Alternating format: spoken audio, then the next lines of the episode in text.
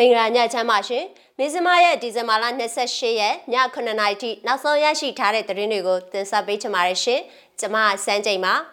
မြမအရေးကူညီပေးဖို့ပါဝင်တဲ့2020ဘန်နာနှစ်ကာကွယ်ရေးဥပဒေကိုအမေရိကန်သမ္မတဂျိုးဘိုင်ဒန်လက်မှတ်ထိုးအတည်ပြုတဲ့သတင်းကလေးမြို့နယ်အတွင်းတိုက်ပွဲတွေကြောင့်လူတထောင်ကျော်စစ်ပေးရှောင်နေရတဲ့သတင်း ပလဲကန်ကောလမ်းမှာစစ်ကောင်စီနဲ့ဒေသကာကွယ်ရေးတပ်3နိုင်ကျော်တိုက်ပွဲဖြစ်တဲ့သတင်းအပဝင်ပလောမြို့နယ်ကနေအိမ်တချို့ကိုစစ်ကောင်စီတပ်ဖွဲ့ဝင်တွေကဝင်ရောက်ဖျက်ဆီးတဲ့သတင်းအစရှိတဲ့ဒီကနေ့ည9:00နာရီထိရရှိထားတဲ့သတင်းတွေကိုတင်ဆက်ပေးသွားမှာပါရှင်။ ပထမဆုံးတင်ဆက်ပေးခြင်းတဲ့သတင်းကတော့မြမအရေးကူညီပေးဖို့ပါဝင်တဲ့2020နှစ်ဘန်နာနှစ်ကာကွယ်ရေးဥပဒေကိုအမေရိကန်သမ္မတဂျိုးဘိုင်ဒန်လက်မှတ်ထိုးအတည်ပြုပါတယ်။ဒီသတင်းကိုဆက်ရရင်တော့ကာကွယ်ရေးအသုံးစရိတ်အမေရိကန်ဒေါ်လာ980ဘီလီယံခွင့်ပြုထားတဲ့2020နှစ်ဘန်နာနှစ်အတွက်အမျိုးသားကာကွယ်ရေးအခွင့်အာဏာရအဥပဒေ NDAA ကိုအမေရိကန်သမ္မတဂျိုးဘိုင်ဒန်ကလက်မှတ်ရေးထိုးဥပဒေအဖြစ်အတည်ပြုကြောင်းအိမ်ဖြူတော်ကတနင်္လာနေ့မှာပြောကြားလိုက်ပါတယ်။ အခုလအစောပိုင်းမှာစီနိတ်လွတ်တော်နဲ့အောက်လွတ်တော်တို့မှာဒီမိုကရက်ရောရီပတ်ဘလီကန်တွေကပါအခုကာကွယ်ရေးဥပဒေကြမ်းအတွက်တခဲနဲ့မဲပေးခဲ့ကြတာဖြစ်ပါတယ်အဲ့ဒီဥပဒေရဲ့နိုင်ငံခြားတိုင်းပြည်များအခမ်းမှာမြန်မာဒီမိုကရေစီရေးကိုကူညီထောက်ခံပေးရေးဆိုတဲ့မြန်မာနိုင်ငံဆိုင်ရာဥပဒေပါဝင်လို့အမေရိကန်အစိုးရဟာမြန်မာအရေးကိုဥပဒေပါအချက်တွေတိုင်းလောက်ကန်ရတော့မှာဖြစ်ပါတယ်။ အခုဥပဒေဟာစစ်မှုထမ်းတွေနဲ့မိသားစုဝင်တွေအတွက်မရှိမဖြစ်အကျိုးကျေးဇူးကိုစောင့်ကျဉ်ပေးမှာဖြစ်ပြီးတရားမျှတမှုကိုဖော်ဆောင်ပေးပါမယ်။ကျွန်တော်တို့ရဲ့အမျိုးသားကာကွယ်ရေးအတွက်အထောက်ပံ့ကိုအရေးပါတဲ့အခွင့်အာဏာပေးမှာဖြစ်ပါတယ်လို့ဥပဒေကိုအတည်ပြုလက်မှတ်ထိုးပြီးနောက်ထုတ်ပြန်ချက်မှာဂျိုးဘိုင်ဒန်ကပြောပါတယ် NDAA ဟာနှစ်စဉ်အဓိကဥပဒေပြုရမှာအဓိကအခမ်းကဏ္ဍဖြစ်ခြင်းနဲ့ကိစ္စတော်တော်များများဖြည့်ရှင်းဥပဒေဖြစ်ခြင်းတို့ကြောင့်အနီးကစောင့်ကြည့်ရတဲ့ဥပဒေပဲဖြစ်ပါတယ်။ NDAA ကိုဥပဒေအဖြစ်နှစ်စဉ်ပြဋ္ဌာန်းလာခဲ့တာဟာနှစ်60တိုင်ပြီဖြစ်ပါတယ်။ အရင်နှစ်ကထက်စစ်အသုံးစရိတ်900ခိုင်နှုန်းနီးပါးပုံမခွင့်ပြုထားတဲ့2020 NDAA အတည်ပြုရေးသဘောတူညီချက်ရဖို့တရုတ်နဲ့ရုရှားတို့နဲ့ပတ်သက်တဲ့မူဝါဒတွေမှာတောင်မတင်ရေမကြဖြစ်ခဲ့ပြီးမှဒီမိုကရက်နဲ့ရီပတ်ဘလီကန်တွေကြားအပြင်းထန်ဆွေးနွေးပြီးတော့သဘောတူနိုင်ခဲ့တာဖြစ်ပါတယ်။အခု NDAA မှာတပ်ဖွဲ့ဝင်တွေကိုနှစ်တသမ9ရာခိုင်နှုန်းလစာသုံးမြင့်ရေးနဲ့လေရင်နဲ့ရေတပ်သင်းမောတွေပုံမဝယ်ယူရေးတို့ပါဝင်ပါတယ်။ ဒါ့အပြင်ရုရှားနဲ့တရုတ်တို့အဓိကဖြစ်တဲ့ပထဝီနိုင်ငံရေးချင်းချောက်မှုတွေကိုကင်တွယ်ဖြည့်ရှင်းရေးမဟာဗျူဟာတို့လည်းပါရှိပါတယ်။ NDAA ရဲ့အသုံးစရိတ်မှာဒေါ်လာတန်း300ဟာယူကရိန်းလုံခြုံရေးကူညီပေးရေးလုပ်ငန်းစဉ်ဒေါ်လာ4ဘီလီယံဟာဥရောပကာကွယ်ရေးလုပ်ငန်းစဉ်နဲ့ဒေါ်လာတန်း150ဟာ Baltic Data လုံခြုံရေးပူးပေါင်းဆောင်ရွက်မှုတို့အတွက်ဖြစ်ပါတယ်။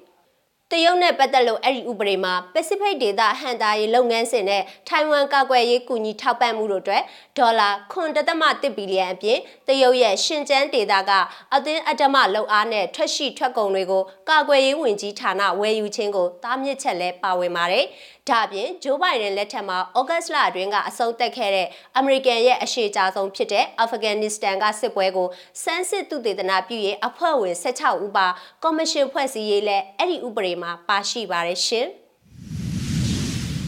နောက်ထပ်တင်ဆက်ပေးခြင်းတဲ့သတင်းကတော့စကိုင်းတိုင်းကလေးမြို့နယ်တွင်စစ်ကောင်စီနဲ့ကာကွယ်ရေးတပ်များတိုက်ပွဲဖြစ်ပွားနေရာစစ်ကောင်စီတပ်ကမီးတင်ရှို့လို့လူနေအိမ်20ကျော်မီးလောင်ပျက်စီးခဲ့ကြောင်းဒေသခံစီကသိရပါဗျ။ဒီဇင်ဘာလ23ရက်နေ့ကစတင်ပြီးကလေးမြို့နယ်နှက်ချောင်းရွာအတွင်းရှိအထက်တန်းကျောင်းမှာတပ်ဆွဲထားတဲ့စစ်ကောင်စီတပ်နဲ့ကလေးကာကွယ်ရေးတပ်ဖွဲ့ PDF ကလေး CNDF နဲ့ပကဖပူးပေါင်းတပ်ဖွဲ့များတိုက်ပွဲစတင်ဖြစ်ပွားခဲ့ပါတယ်။ အခုကျွန်တော်တို့နယ်မြေမှာစစ်ကောင်စီတပ်တွေကမဲမဲမြင်သမျှပြစ်ခတ်နေုံတင်မကဘူးအိမ်တွေကိုပါမီးတင်ရှို့နေတာလူတွေကိုနေစရာမရှိအောင်တမင်တက်တက်ကိုရှို့နေတာလို့ဒေသခံတအုပ်ကပြောပါတယ်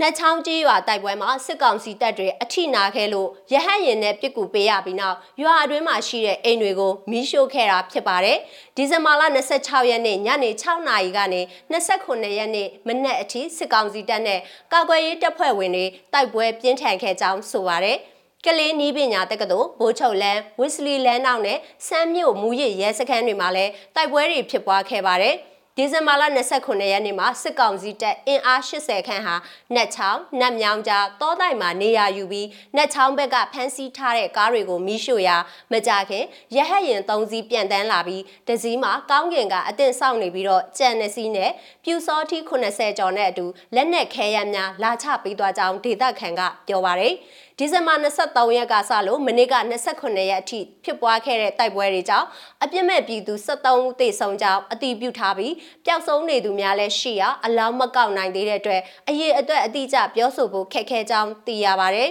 ။နှက်ချောင်းနှက်မြောင်းနဲ့ချောင်းခွာရာတွေမှာရှိတဲ့ဒေသခံပြည်သူတထောင်ကျော်ရှောင်သိမ်းနေရပြီးစောင်းရသည့်အရေးတန်ကြောင့်နေထိုင်ရေးအခက်အခဲတွေတွေ့ကြုံနေရကြောင်းရွာတွေမှာလျှက်စစ်မီဖြတ်တောက်ထားပြီး အင်တာနက်လိုင်းတွေမကြာခဏပြတ်တောက်နေကြောင်းဆိုပါတယ်အခုအခြေအနေတွေကို NUG အစိုးရမှသိရှိစေလိုပြီးပြည်သူ့ကာကွယ်ရေးတပ်ဖွဲ့ဝင်တွေကန်ဆောင်နေတဲ့ခါချိုသူမီးတွေထက်ပုံမကောင်းမွန်တဲ့လက်နက်ထောက်ပံ့ပေးစေလိုကြောင်းဒေသခံကဆက်ပြောပါရရှင်။ပလဲကံကောလမ်းမမှာစစ်ကောင်စီနဲ့ဒေသကာကွယ်ရေးတပ်3နိုင်ကျော်တိုက်ပွဲဖြစ်ခဲ့တဲ့တဲ့ရင်ကိုလည်းတင်ဆက်ပေးချင်ပါတယ်။ စကိုင်းတိုင်းပလဲမြို့နယ်ပလဲကံကောလမ်းမပေါ်မှာကပ္ပစ23မှစစ်ကောင်စီတပ်တွေနဲ့မနေ့ကဒီဇင်ဘာလ29ရက်နေ့လယ်12:30မိနစ်20ခန်းကစလို့3နာရီကျော်တိုက်ပွဲဖြစ်ပွားခဲ့ကြောင်းပြည်သူ့တော်လှန်ရေးတပ်မတော် PRAC ကသိရပါဗျ။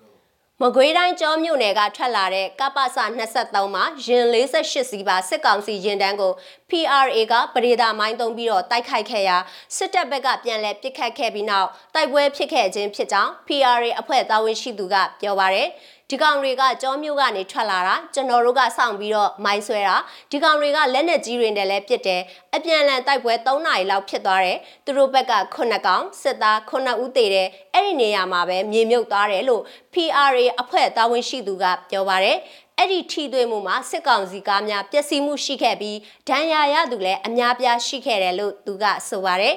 အဲ့ဒီဂျင်တန်းမှာဒီကနေ့ဒီဇင်ဘာလ28ရက်ထိအဲ့ဒီနေရာကပြန်လည်မထွက်ခွာသေးကြောင်း PRA အဖွဲ့ဝင်ကပြောပါရရှင်